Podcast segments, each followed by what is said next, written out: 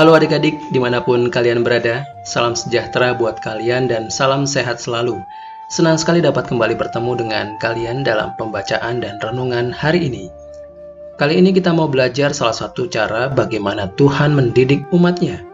Renungan kita hari ini didasari firman Tuhan dari Yunus 1 ayat 1 sampai 3. Sebelum kita membaca dan merenungkan firman Tuhan, mari kita berdoa. Tuhan Yesus, terima kasih buat waktu yang baik ini untuk kami dapat membaca dan mendengarkan firman-Mu. Beri kami hikmat dan berbicaralah melalui firman hari ini. Kami siap mendengar. Dalam namamu Yesus, Tuhan dan Juru Selamat kami yang hidup. Amin. Yunus 1 ayat 1 sampai 3. Yunus mengingkari panggilan Tuhan.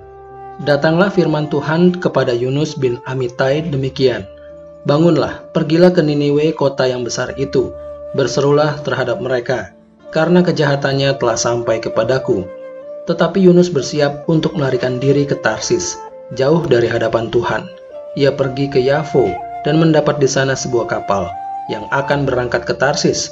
Ia membayar biaya perjalanannya, lalu naik ke kapal itu untuk berlayar bersama-sama dengan mereka ke Tarsis, jauh dari hadapan Tuhan. Demikianlah firman Tuhan hari ini. Adik-adik fokus renungan kita adalah ayat 1 dari Yunus 1 yang berbunyi, Datanglah firman Tuhan kepada Yunus bin Amitai. Demikian, bangunlah, pergilah ke Niniwe kota besar itu, Berserulah terhadap mereka karena kejahatannya telah sampai kepadaku. Adik-adik, ada banyak cara Tuhan dalam memanggil dan mendidik umatnya. Ada yang ditegur dengan halus, ada yang ditegur dengan keras. Dan respon dalam menjawab panggilan Tuhan juga bermacam-macam. Nabi Yesaya dan Nabi Yeremia ketika dipanggil langsung menyatakan diri siap. Namun, Yunus malah melarikan diri, bukan ke tempat yang dekat, Nabi Yunus melarikan diri ke tempat yang sangat jauh dan berlawanan arah. Pasti adik-adik masih ingat ceritanya bukan? Pengutusan Nabi Yunus untuk menegur orang-orang Niniwe yang melakukan kejahatan agar penduduk Niniwe bertobat. Tetapi Nabi Yunus malah melarikan diri ke Tarsis dengan menumpang sebuah kapal yang akan menuju pelabuhan Yafo. Di tengah lautan terjadilah ombak besar sehingga kapal itu hampir tenggelam.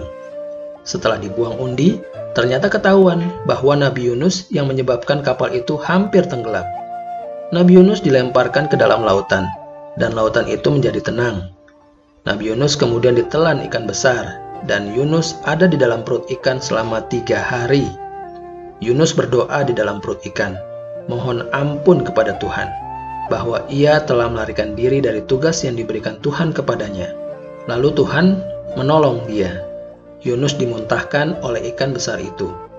Yunus selamat dan dia bersedia menjalankan tugasnya untuk menegur orang-orang Niniwe.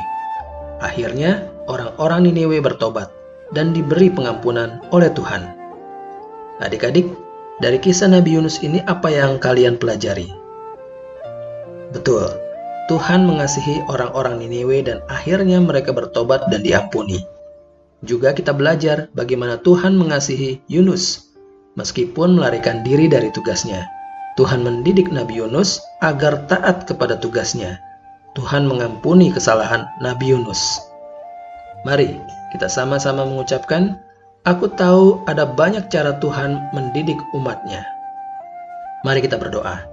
Bapa di surga terima kasih karena Tuhan mengasihi kami, mengajar kami, dan mendidik kami. Beri kami hati sukacita dalam menerima didikan Tuhan.